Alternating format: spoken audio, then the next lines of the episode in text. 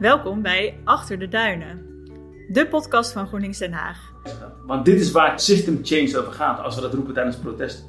Dan gaat het over de ontwetendheid over deze cruciale perspectieven. Hoe kan het zijn dat inheemse volkeren nooit aan tafel hebben gezeten ehm, als het gaat over behoud biodiversiteit, behoud uh, bossen, terwijl zij uit hè, de, de, de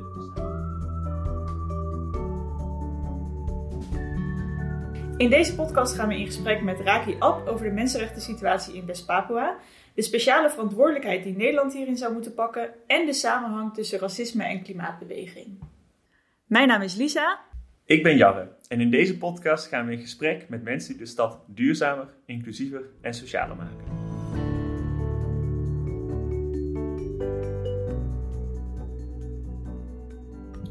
Welkom Raki, ontzettend leuk dat je uh, bij ons te gast wil zijn.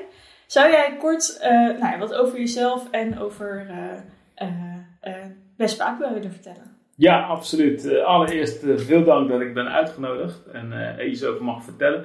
Nou, ik ben Raki Ab. Ik ben een politieke vluchteling uit West-Papua. Onder de wat ouderen onder ons zullen dat misschien nog kennen als voormalig Nederlands Nieuw-Guinea. Nou, en dat verklapt eigenlijk al een beetje al. Het is een oude kolonie van Nederland. Ehm, maar ja, waar ik achter ben gekomen in, wat is het, de tien jaar dat ik uh, als activist uh, door het leven ga, is dat er toch heel veel onbekendheid uh, in Nederland is over uh, ons gedeelde geschiedenis. Um, zelfs onder geschiedenisdocenten en zelfs binnen instituten zoals het Koninklijk Instituut voor Taalland en Volkenkunde. En nou, gezien die onbekendheid is, is onze campagne, de Free West Papua Campaign, enkele jaren, ik denk een jaar of tien terug, eh, terug opgericht door Benny Wenda. En ja, sindsdien zijn wij in Nederland actief om ook mensen meer te onderwijzen over waar West-Papua ligt. En even voor de oriëntatie. West-Papua, dat is het westelijke gedeelte van het eiland Nieuw-Guinea. Dat ligt pal boven Australië. En dat behoorde ooit tot Nederlands-Indië. Het huidige Indonesië. En ik als activist, die strijd voor het recht op zelfbeschikking onderstreept steeds dat uh, het West-Papua is en, en, zal blijven en eigenlijk geen onderdeel hoort te zijn van het huidige Indonesië. En wanneer is die, die strijd begonnen, die, die onafhankelijkheidsstrijd voor een onafhankelijk West-Papua? Ja, dan ga ik, een hele goede vraag, dan ga ik even terug in de tijd en nou, we gaan even inzoomen op de onafhankelijkheid van Indonesië. Dat was anno 1945, 1949 onafhankelijkheidsoorlog van Indonesië, eh, die ze terecht hebben teruggeëist. En daarna ging voormalig, of West-Papua eigenlijk toen nog onderdeel van het Koninkrijk der Nederlanden, Nederlands-Indië, over naar uh, Nederlands Nieuw-Guinea. Uh, en dat, ja, dat, dat hield uh, Nederland eigenlijk zo op wat de werkelijke motieven zijn of waren. Destijds weten we niet, maar wij als Papua's vonden natuurlijk goed dat we ons eigen bestuur mochten vormen. En eh, Nederland bereidde de Papua's dus destijds na de onafhankelijkheid van Indonesië voor op een uh, ja, soevereine staat. En zij, zo installeerde Nederland op 5 april 1960 of 61 de Nieuw-Guinea-raad, een eerste landsbestuur. Ze installeerde onder koninklijk besluit de, de Morgenstervlag, de vlag die we vandaag kennen, ook op 1 december 1961.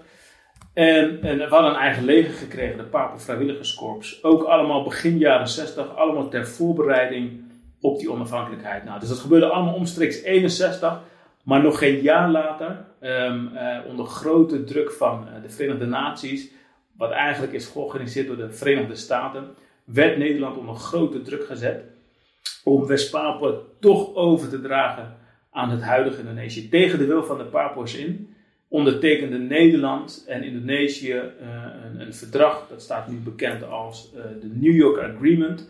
Dat ondertekenen ze in het hoofdkwartier van de Verenigde Naties uh, op 15 augustus 1962. En daarmee werd de toekomst van de Papua's bezegeld en werden wij tegen ons wil in onderdeel van het huidige Indonesië. En in dat verdrag was er nog wel een artikel die besloot dat de Papua's binnen zeven jaar mochten kiezen of dat zij wel of niet onderdeel wilden worden van uh, Indonesië. Uh, en dat, dat zou dan plaatsvinden door middel van een referendum. En dat gebeurde plaats Dat vond plaats in 1969, augustus 1969. En staat bekend als de Act of Free Choice. waarbij 1026 Papelkiesmannen onder martel- en dreigpraktijken eigenlijk werden gedwongen, geforceerd om in te stemmen met toetreding tot Indonesië. En dat was de referendum. En eh, nou, inmiddels weten we uit onderzoek van Nederland zelf, het onderzoek van professor Drooglever, waaruit uh, vast blijkt te staan dat alles wat er fout kon gaan, fout ging. En de Papua's hun recht op zelfbeschikking eigenlijk werd ontnomen met een eerlijke referendum. En sindsdien ja, begon de, de brute bezetting door Indonesië en dat gaat door tot de dag van vandaag. En je gaf aan, hè, in, in 1961 leek het nog de goede kant op te gaan. Of, eh, en, en, dat veranderde toen. Wat was de motivatie? Want je zei, Nederland tekende dat verdrag ook onder grote druk van de VN of de VS. Wat was hun belang daarbij? Waarom kozen zij die richting? Het is een super interessante vraag. En, en ik, ik tenminste van alle artikelen en documenten wat ik ook in het Nationaal Archief heb gelezen en, en een documentaire wat ik heb gezien, een prins in de wereldpolitiek, dat duidt op de betrokkenheid van wijle prins Bernhard. Uh, hij was destijds ook de voorzitter van de Bilderberg groep. Dat bestond uit de grootste industrie, Shell, Philips, Unilever. En dat, dat, dat, dus op economische belangen van Nederland. Die wilden ze waarborgen. En prins Bernhard reed zelf af naar de destijdse president, uh, Kennedy van Amerika om de Nederlandse belangen te waarborgen. En om, om de minister van Buitenlandse Zaken, Luns destijds, onder druk te zetten met bepaalde adviezen van de prins. Dus mm. dit duidt aan de omstandigheden op eh, Nederlandse economische belangen, dat die werden gewaarborgd en dat zij toch geen. En ik snap ontzettend dat Nederland geen kussen zaten in een splagaat. Dus ik snap de omstandigheden destijds, de geopolitieke uh, omstandigheden. We hadden net de Vietnam. Amerika had er geen zin in een tweede Vietnam met Indonesië. Eh, de, Nederland kon niet op Amerika terugvallen, niet op de Russen. Dus ik snap dat ze onder druk stonden. Maar um, om daar tot de dag van vandaag stil over te zijn, dat vind ik een hele merkwaardige en ongewenste positie. Ja, en, en misschien nog net even voor de want nee, goed, de, de, treurige conclusie is dan waarschijnlijk dat economische belangen uh, uh, nou, de, de zelfbeschikking van de Papua's uh, in de weg stond. Ja. verder, nou, je gaf net al aan, op de kaart Nieuw-Guinea, het eiland, ligt echt nou ja, niet super dicht naast Indonesië. Het heeft historisch gezien ook niet zoveel met elkaar te maken, toch? De, de Indonesische, eh, los van dat het ooit allebei Nederlandse koloniën waren. Ja, dat is het enige wat ons verbindt. Ja, uh, maar als je kijkt naar uh, geografie, cultuur, etniciteit, behoren wij duidelijk tot het Melanesisch Pacific regio. Donkere huidskleur, kroeshaar. En waarbij de cultuur eigenlijk, hè, de inheemse cultuuraspecten overeenkomen met de rest in een Pacific regio. En dat is ook waar we ons verbonden mee voelen. Ja. Um, uh, en waar de steun eigenlijk vandaag de dag enorm van vandaan komt. Ja. ja. En wanneer ben je zelf bij deze, uh, de, de, de, de, de strijd voor een, een, een vrije West-Papua, wanneer ben je, er zelf betrokken bij geraakt? Oeh, ja, ik denk dat het eigenlijk, eh, ik denk het keerpunt in mijn leven, echt in mijn jonge jaren, ik denk 15, 16 jaar, toen ik tot het besef kwam, als jonge Nederlandse hè, kind, ik ben hier opgegroeid, um, het besef kwam waarom ik mijn vader niet meer had en waarom we uiteindelijk naar Nederland zijn gevlucht. Um, voor de context, um, de reden dat, eh, voor de luisteraars waarom, ik waarom wij uh, naar Nederland zijn gevlucht, is omdat mijn vader, Arnold Ab, die is vermoord door de Indonesische speciale eenheden, vier maanden voor mijn geboorte. Um, en dat was eigenlijk de aanleiding dat wij uit West-Papua vluchtten naar het naastgelegen Papua-Nieuw-Guinea.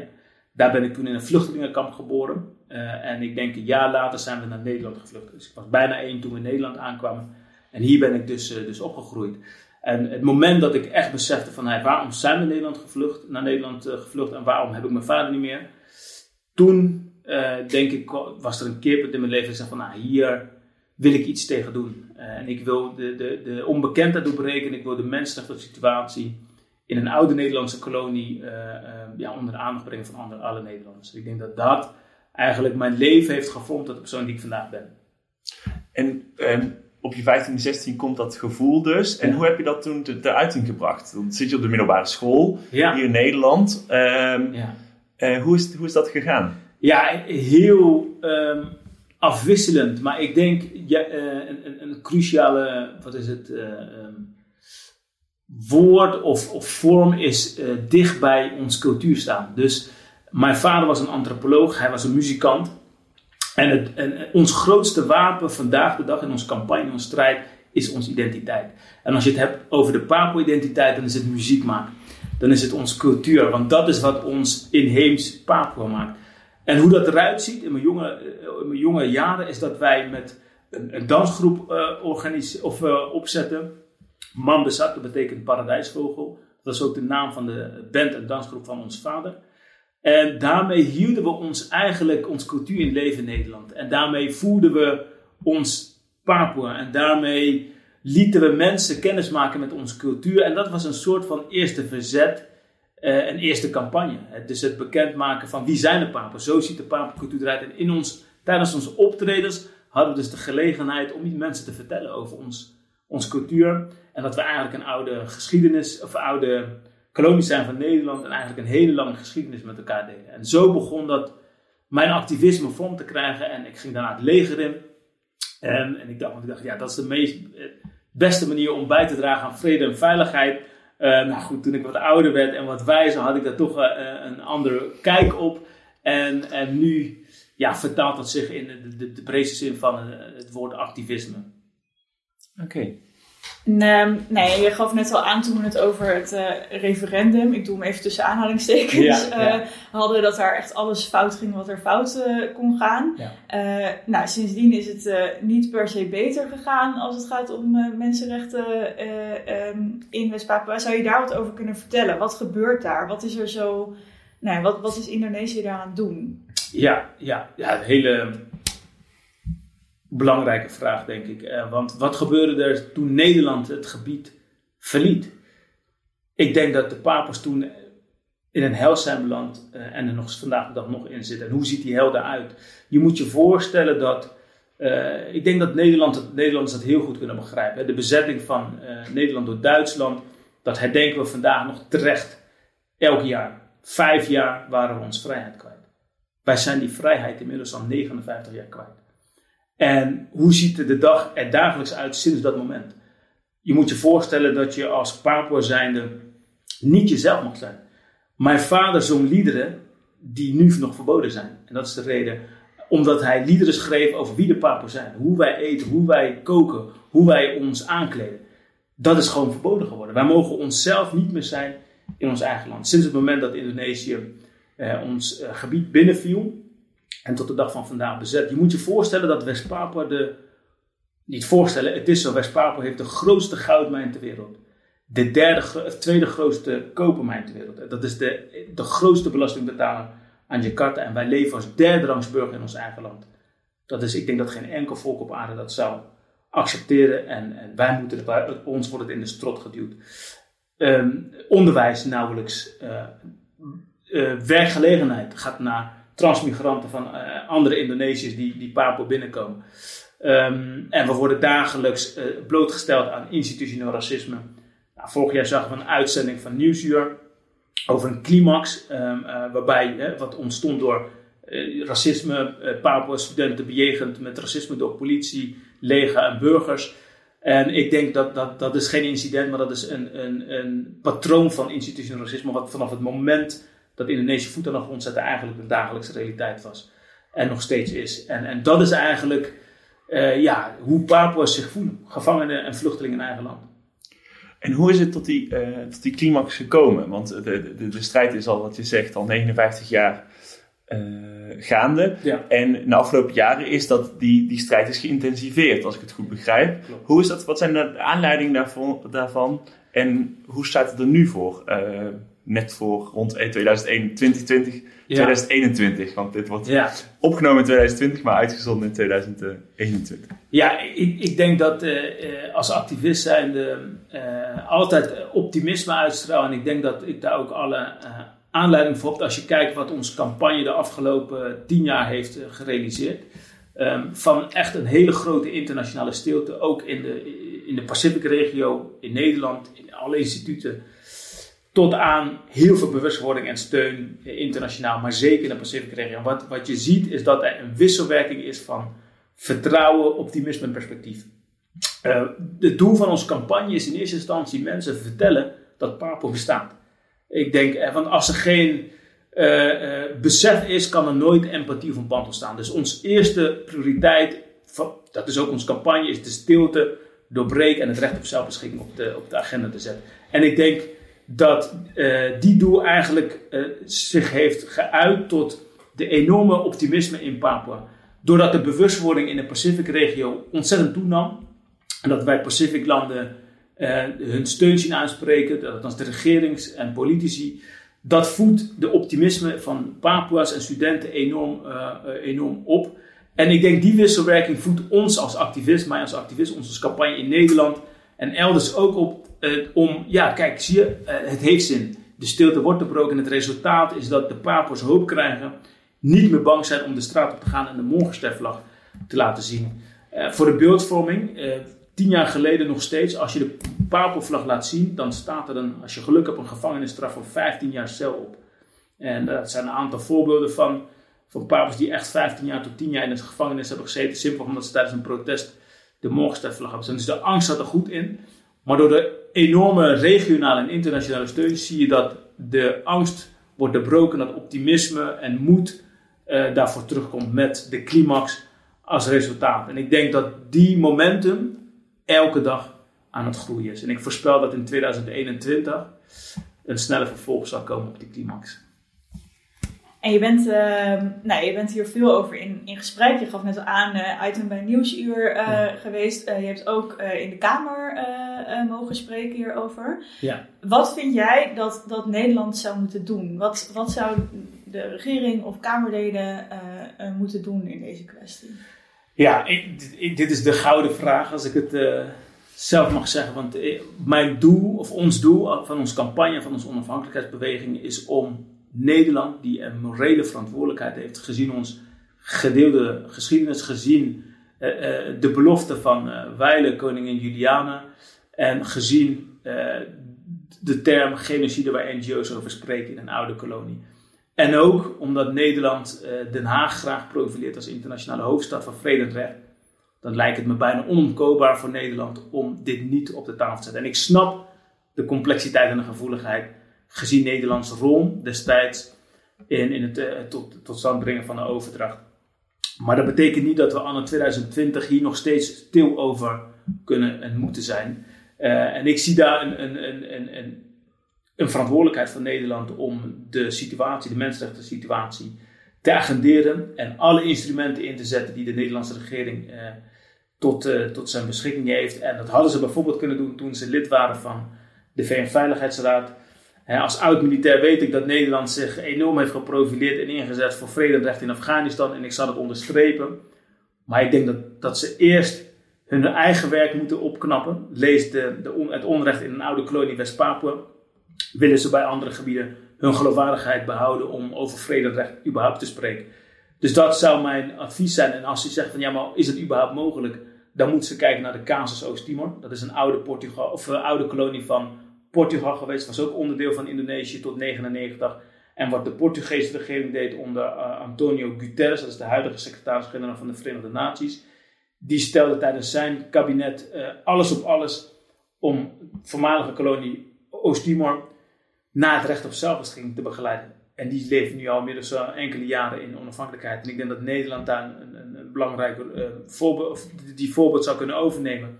En bijvoorbeeld met Vanuatu, dat is een Small Island Development State, worden benoemd. Maar die heeft de afgelopen twee tot drie jaar fenomenaal werk gedaan voor West-Papua. Onze onafhankelijkheid, die hebben hun diplomatieke kanalen ter beschikking gesteld. Met een beperkte capaciteit. Als Nederland de moed had, dan hebben ze kunnen ze ongelooflijk veel werk verzetten door bijvoorbeeld samen op te trekken met Vanuatu, met de Pacific Island Forum, dat is lees de EU van de Pacific regio. We hebben nu 82 staten, inclusief Groot-Brittannië, sinds vorige maand, die de VN-hoge commissaris voor Mensenrechten oproepen om Papua te bezoeken. Nou, dat zal de eerste goede stap zijn voor Nederland, die nu lid, eh, lid is van de VN-Mensenrechtenraad, om uh, die advies over te nemen. En zelf ben je ook uh, je ziet dat inderdaad dat het uh, momentum toen, het, het wordt steeds sterker. Er is steeds meer organisaties, politiek, de media luistert naar, naar jullie oproep. Ja. Maar wat, wel, welke, stap, wel, wat, welke, stap zou er nog, welke stap zou nog meer kunnen gezet worden? als je zegt 2021 verwachten we nog meer weer een nieuw momentum of Ja. een groot momentum. Wat, wat, zou er, wat zou er moeten gebeuren? Ja, ik denk dat 2021 het jaar zou moeten worden voor de Nederlandse politiek en de Tweede Kamer. eh, om de allereerste debat, voor zover ik weet, in de afgelopen 59 jaar. Ik vind het onvoorstelbaar dat gezien de vele debatten over Syrië, Afghanistan, noem maar op welke plek, dat er nog geen debat is geweest over de genocide in voormalig Nederland. Ik vind het onbegrijpelijk. Dus dat zou mijn eerste concreet advies zijn. Voer een debat uit. En daarnaast heb je in de Tweede Kamer, ik denk, ik weet niet hoeveel instrumenten om deze casus aan te kaarten. En als je dan kijkt naar wat er speelt in een samenleving, lees, eh, of internationaal, de klimaatcrisis, lees Black Lives Matter. Nou, ik hoor ehm, ook mijn eigen partij eh, woorden in de mond nemen over dit is onbegrijpelijk, we moeten de klimaatcrisis stoppen. West-Papua huisvest, de derde grootste regenwoud ter wereld. Dit is een frontliniegebied als we klimaatcrisis willen tackelen. Black Lives Matter. Kennelijk doen de 500.000 Papo-slachtoffers, ook Nederlandse politici, progressief de afgelopen 59 jaar niet heel veel.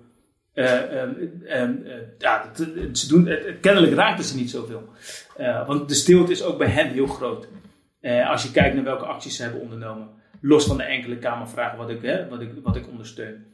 Maar ehm, ik denk dat West-Papua vanuit de Nederlandse politiek de showcase kan zijn om Nederland echt op de wereldkaart te zetten als het gaat om mensenrechten, als het gaat om de klimaatcrisis te tackelen. En dat zou mijn oproep zijn aan de Nederlandse politiek, maar ook aan de Nederlandse klimaatbeweging.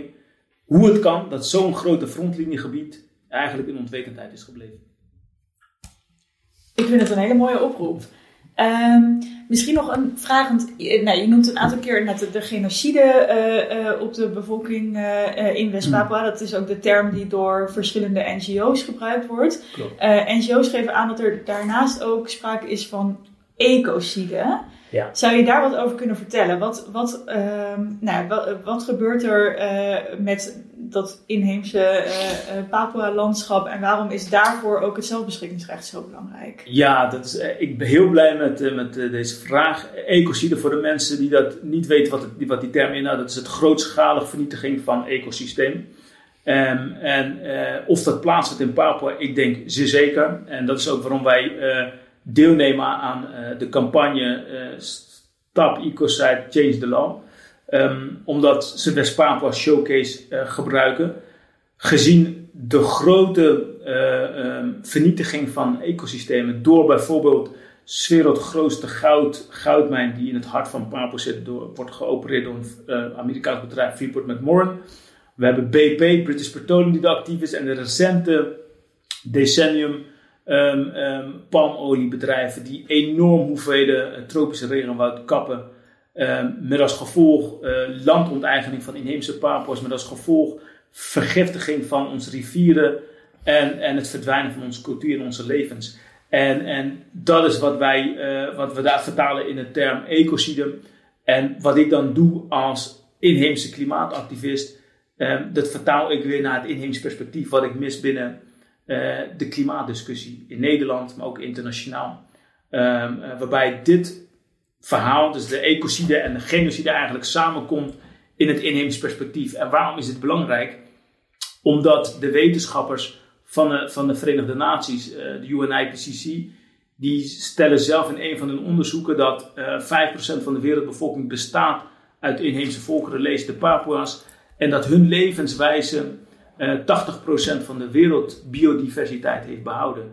Eh, dat lijkt me een ontzettend cruciale gegeven. Daarnaast geeft ons eigen eh, initiatiefnota van GroenLinks, Behoud het Woud, een on- ontzettend belangrijk cijfer eh, ook mee. Namelijk dat 97% van de wereldwijde boomkap ook plaatsvindt in diezelfde cruciale inheemse gebieden. Nou, dat lijken mij twee gegevens die eigenlijk zeggen van... Volgens mij hebben we die inheemse volkeren ontzettend nodig om verder boskap te vermijden. En dat is wat ik allemaal samenbreng. Dus ecocide in Papua, de genocide en de cijfers van de klimaatpanel samenvoegen in het inheems perspectief. Willen wij de klimaatverandering stoppen, dan moeten wij de rechten van die inheemse volkeren waarborgen. Eh, want hadden we dat al veel eerder gedaan, dan hadden we dus heel veel boskap voorkomen en daarmee eigenlijk een klimaatcrisis kunnen voorkomen. Zo simpel is eigenlijk mijn verhaal. Want hadden we om een levens gegeven, dan hadden we die ecosystemen behouden, dan hadden we nooit in deze crisis gezeten. Maar kennelijk doen al die levens er niet toe. En dat kunnen we heel goed terugzien in Papua. En hoe, juist vanuit de Nederlandse context, heb ik mij afgevraagd, en dan ben ik soms heel boos naar uh, een milieuorganisatie gaan, van hoe kan het zijn dat je als Nederlandse milieuorganisatie niet weet wat er gaande is in een uh, oude kolonie, wat de derde grootste regenwoud ter wereld huisvest. Terwijl je je beleid het hebt over bosbehoud, over biodiversiteit. Wij zijn die beschermers, blijkt uit wetenschap nu. Waarom zitten wij nog niet aan tafel? Waarom hebben wij überhaupt nooit aan tafel gezeten? Als cruciale stakeholder. Zitten wij nog steeds niet aan tafel als het gaat om klimaatbeleid maken? En dit is het perspectief wat ik wil reflecteren bij politici die inderdaad hebben over klimaatverandering, het stoppen, maar wat je in beleid terugziet als cruciaal gegeven, dat nog steeds niet op tafel ligt. En dat vind ik een fundamentele vraag waar ik mij elke dag met passie voor inzet om het toch op de tafel te krijgen. Ja, ik vind het ook wel heel interessant hoe je eigenlijk in je verhaal laat zien dat uh, die verschillende bewegingen zo samenhangen. En dat je dus eigenlijk niet, niet kunt werken aan het oplossen van de klimaatcrisis zonder daar uh, uh, racisme bij te betrekken. Um, en tegelijkertijd heb ik het idee dat dat nog wel heel veel gebeurt. Dat er in Nederland nog heel veel zeg maar, vanuit één, één visie naar, uh, naar zaken wordt gekeken. Ja. hoe zie jij dat? En ja, nee, precies wat je zegt. Het heeft mij zelf gedurende mijn activisme, ik denk eigenlijk pas de afgelopen drie jaar, dat ik op deze thema echt ben gaan inzoomen.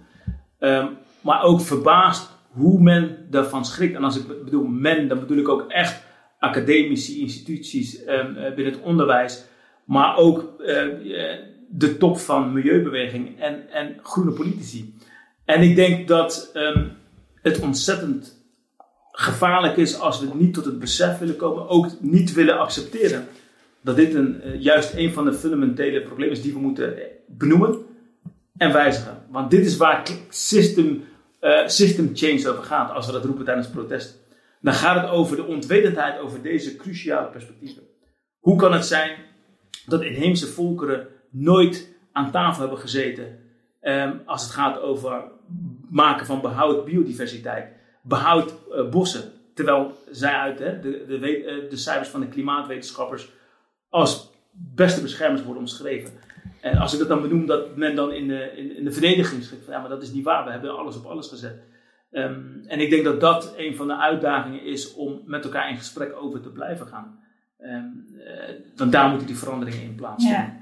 Het, het, doet me ook denken aan uh, uh, een jaar geleden, of iets meer dan een jaar geleden, toen die gigantische bosbranden in de Amazone plaatsvonden. Ja. Toen was natuurlijk heel Europa er snel bij om te zeggen: dit kan niet, dit is afschuwelijk. Ja. Maar het zou toch mooi zijn als we het in West-Papua niet zo ver hoeven laten komen. Dat het echt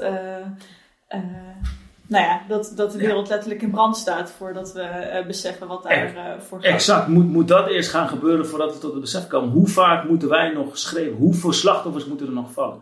En dan gaat het nu, en waarom zoom ik altijd in, juist vanuit West-Papen, omdat het een oude kolonie betreft. Ja. Toevallig ook de derde grootste regio. Het is een ontzettend interessant gebied, juist voor de Nederlandse klimaatbeweging. Juist voor groene politieke partijen. En uh, een van mijn kritische artikelen waar de milieubeweging van wakker schrok en zich niet in kon vinden, was dat ik als inheems klimaatactivist vertelde van hoe kan het zijn dat als we een campagne insteken op Indonesië tegen de palmolie uh, um, uh, gewin, uh, waar ik het volledig eens mee ben en tegen ben, um, het hebben over het uitsterven van orang-oetangs, wat natuurlijk verschrikkelijk is. Maar what about 500.000 West Papuans, human lives? Yeah. Een derde van mijn volk. Zijn we dan minder waard als een dier?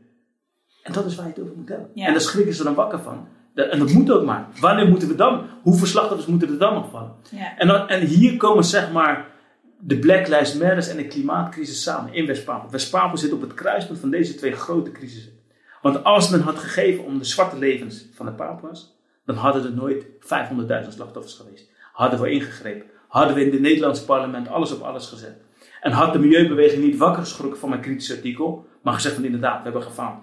En als je nu wakker schrikt, dan zit het inderdaad, dan ben je onderdeel van het probleem. Ja. En onderdeel van een stilte, waardoor al deze vernietigingen en slachtoffers hebben kunnen plaatsvinden. En daar moeten we het over hebben. Eh, want de wetenschappers geven ons nog tien jaar. We kunnen ons niet veroorloven om om de grondoorzaak heen te dansen, om de feiten heen te dansen. En dan moet je even durven reflecteren. En ik denk dat dat het moment is om nu te doen, want anders gaan we de wedstrijd verliezen. En bijvoorbeeld, en dan kijken we naar de, naar de klimaatcrisis. Zie je dan bijvoorbeeld al uh, veranderingen in West-Papua? Zie je bijvoorbeeld Er zijn veel natuurlijke bronnen, ehm, grondstoffen, wat je zegt, goud, andere. Ehm, zie je daar, aangezien dat ook natuurlijk bronnen zijn die waarschijnlijk in de toekomst ook nog veel kunnen moeten gebruiken, die, die nodig zijn, die in onze structuren zijn, economische structuren zijn opgenomen als cruciaal. Hmm. Zie je daar al een verandering? Dat, dat in West-Papua er alle stappen worden gezet om die klimaatcrisis tegen te gaan? Of zie je eigenlijk tot op heden uh, nog niet zoveel veranderen? Nou, um, ik, ik heb vorig jaar volgens mij een artikel gelezen dat West-Papua de eerste conservatieprovincie is. Dus dat ze eigenlijk alles willen, alle boskap willen voorkomen. Um, maar goed, in hoeverre dat uh, werkelijk is, weten we niet. Want het is, vanuit Indonesië wordt dat geromantiseerd. Want we zien nog steeds boskap plaatsvinden. Maar van vanuit onze organisatie, vanuit de onafhankelijkheidsbeweging, die regelrecht in contact staan met lokale bevolkingsgroepen. Wij willen geen enkele boskap meer plaatsvinden voor palmolie of voor uh, wat voor BP-activiteiten. Onze visie is dus per direct alle boskap stoppen.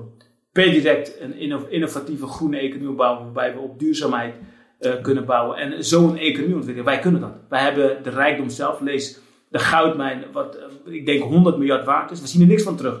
Dus wat ons betreft worden die rijkdommen nu ingezet om een groene transitie te zetten en, en rechtvaardigheid voor eerst mensen en natuur. En, en ik denk dat, dat hier een ongekende kans zit, juist voor de Nederlandse klimaatbeweging, om deze casus eens, op tafel te leggen, om dit bespreekbaar te maken. En, en ik denk dat we dan een ontzettende gouden showcase hebben. En uh, je zegt, we zitten niet aan tafel, we hebben eigenlijk nog niet aan tafel gezeten. Ja. Hoe denk je dat dat is gekomen? Um, en dat we nu, inderdaad, nu uh, we toch vrij laat in de klimaatcrisis zitten. Het is, uh, uh, we zitten alweer in de 21ste eeuw en het is al langer bekend. Um, en dat dat inheemse perspectief mm. pas nu eigenlijk ehm, het algemeen gedachtegoed omtrent de klimaatcrisis bereikt, om het zo te zeggen. Wat, waar, waar denk je dat het aan, aan schort? Ik, hier, ja, dit is ook een hele belangrijke vraag, omdat het een van de elementen zijn van, van wat ik betoog, namelijk institutioneel racisme, lees institutionele stilte. Ehm, eh, de, wat is het single stories narratieve in besluitvormingslaag? Uh, want als je kijkt naar de instituten in het onderwijs, media, politiek, dan is het voornamelijk wit. En, en als je dan kijkt dat al die besluitvorming, dus daar een selectief groepje mensen wordt genomen, met heel veel macht over wat onze toekomstige generaties wordt onderwezen, hoe het beleid eruit komt te zien, ja, als je geen mensen met mijn achtergrond hebt, dan, dan komen die perspectieven niet samen. En dan zullen die besluitvormingen zijn zoals ze altijd zijn geweest, met als gevolg een enorm gevaarlijke stilte.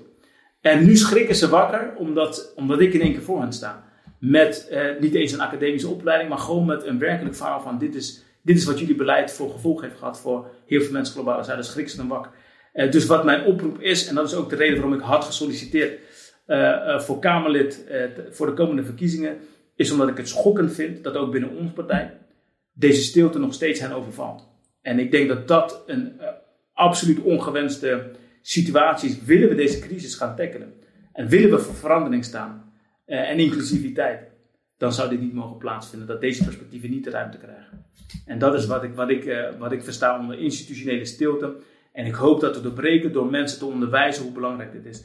Want zonder die verbinding kunnen we, kunnen we moeilijk empathie krijgen en verbinding leggen in de samenleving. Ik denk dat dat mede een, een oorzaak is van uh, ja, uh, single, single, wat is het, single stories in besluitvormingslagen.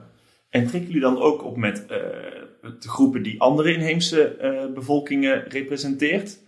over de hele wereld, misschien ook in het gebied in West-Papua, maar dus het zijn over de hele wereld. In het Amazonegebied heb je uh, overal ter wereld heb je inheemse volkeren nog. Mm. Um, trekken jullie gezamenlijk op? Zie je dat daar ook een soort beweging ontstaat? Uh, omdat het natuurlijk relatief in dezelfde plekken de, misschien dezelfde ja. uitdagingen zijn. Ja, nee, absoluut. Uh, ik denk dat het een hele interessante vraag is. En het antwoord is ja. Kijk, ik ben volgens mij voor mijn doen best een jonge activist. En die net, net echt heel vers het internationaal podium beklim. Ik denk sinds vorig jaar dat ik pas een internationale conferentie voor maak. Dus wat ik, wat ik wel doe is vanuit uh, mijn rol in Nederland echt verbinding met allerlei grassroots organisaties. Uh, antiracisme, indigenous, um, climate change movement. Dus ik zie de potentie van samenwerking. En daar investeer ik ook echt ontzettend in. Extinction Rebellion, fossievrij. En, en het werpt nu al zijn vruchten af. Dus wat ik nu doe, en ik, ik, mijn profiel begint enigszins omhoog te gaan. Dus ik begin ook internationaal uitgenodigd te worden. En, eerst is eigenlijk in 2022 een, een soort van um, Indigenous World Forum, een soort van General Assembly van inheemse volken. Ze hebben me daarvoor uitgenodigd. Ik mag West-Papua uh, um, vertegenwoordigen. Dus dat is echt een hele mooie gelegenheid om ja, mensen te ontmoeten. Om te kijken van hoe kunnen we nog sterker die samenwerking aangaan. En het inheemse perspectief internationaal op de agenda zetten. Dus ik ben optimistisch. Um, gezien datgene wat we de afgelopen jaren hebben gerealiseerd. Maar ik denk dat tijd ook ons grootste feit is. Het is ook ontzettend nodig gezien dat de klimaatwetenschappers ons tien jaar geven om onomkeerbare vernietiging van ecosystemen te voorkomen. Ja.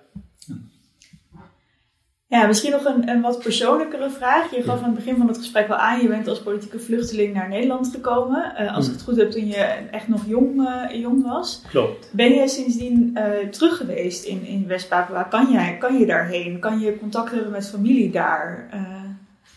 Ja, nee. Antwoord is heel concreet nee. En waarom niet? Nou, de reden dat we naar Nederland zijn gevlucht, is omdat Indonesische speciale eenheden ons vader Anantap hadden vermoord. En, en, dat is op zich al hè, uh, teruggaan van oké, hoe staat het met ons leven? Maar zeker omdat ik me de afgelopen tien jaar zeker als hè, een, um, grote uitspreker uh, heb vertoond in Nederland en internationaal met betrekking tot recht op zelfbeschikking, weten we ook dat de Indonesische regering ons niet met open armen ontvangt. Sterker nog, sinds 1 december jongsleden hebben wij een provinciale regering opgeroepen, althans onze onafhankelijkheidsbeweging. En nou, ik ben een van de uh, wat is het, uitvoerende stafleden. En alle overheidsfunctionarissen tot aan het regeringsniveau aan toe hebben al stevige bedreigingen geuit dat zij Benny Wende, de, laten we zeggen de interim-president, zojuist uitgeroepen, en alle gelieerde personen um, zullen stoppen met alle middelen die zij tot hun beschikking hebben. En, en dat is dus een hele, ik, neem dat heel serieus. Ik heb ook hier in Nederland uh, de nodige stappen gezet. Maar uh, gezien zulke tegenwoordig is teruggaan absoluut niet aan de orde. En zal mijn leven niet, uh, niet mijn veiligheid niet gegarandeerd worden. Ja. En dan misschien als afsluitende vraag, we stellen hem eigenlijk elke, elke podcast.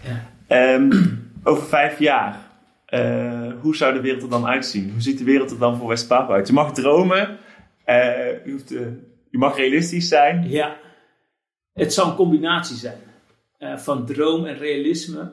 Um, gezien de ontwikkelingen de afgelopen tien jaar, waar we nu staan.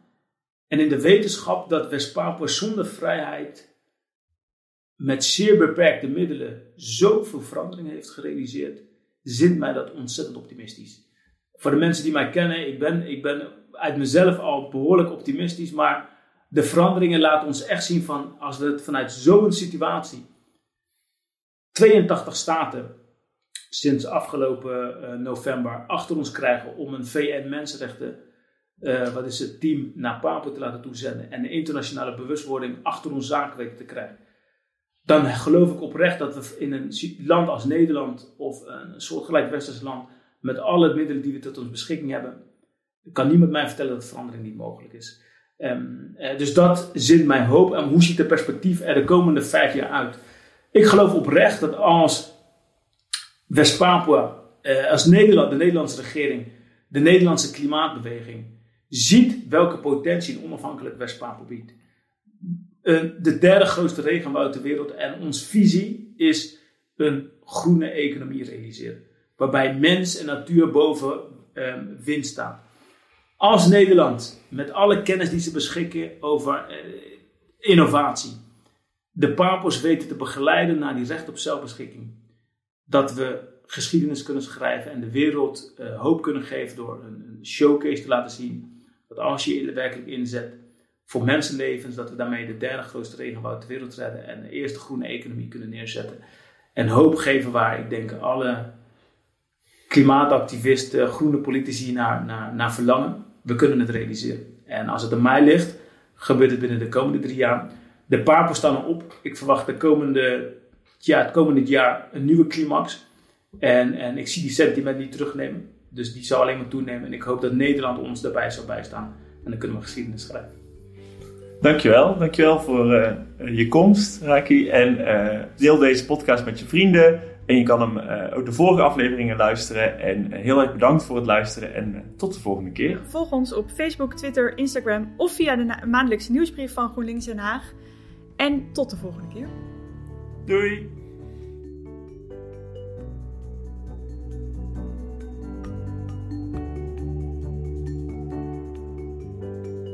Achter de Duinen wordt geproduceerd door GroenLinks Den Haag. En de muziek van deze aflevering is Up and Over van de Blue Dot Sessions.